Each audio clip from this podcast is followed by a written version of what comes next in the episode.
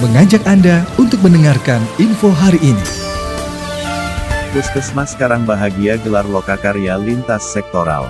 Karang Bahagia, unit pelaksana teknis Dinas UPTD Puskesmas Karang Bahagia mengadakan lokakarya lintas sektoral tahun 2022 yang berlangsung di kantor Puskesmas setempat pada Rabu, tanggal 16 Maret tahun 2022. Kepala Puskesmas Karang Bahagia Dr.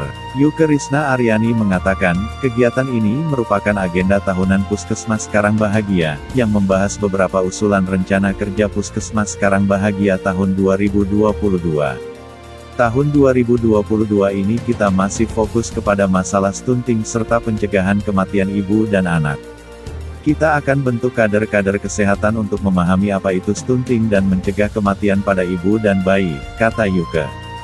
Para kader kesehatan itu akan diberikan wawasan terkait pentingnya kesehatan bagi para ibu, serta untuk keberlangsungan kesehatan balitanya.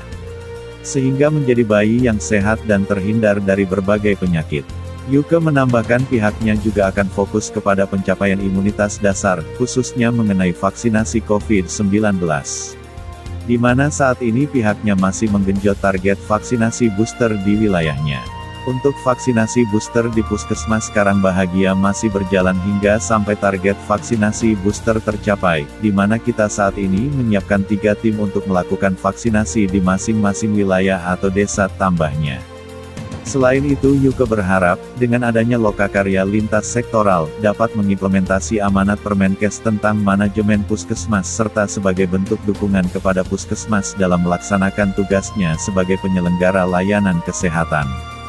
Lokakarya lintas sektor ini mempertemukan antara petugas puskesmas dengan sektor terkait untuk meningkatkan kerjasama tim, memantau cakupan pelayanan puskesmas serta membina peran serta masyarakat secara terpadu agar dapat meningkatkan fungsi puskesmas itu sendiri, ungkapnya.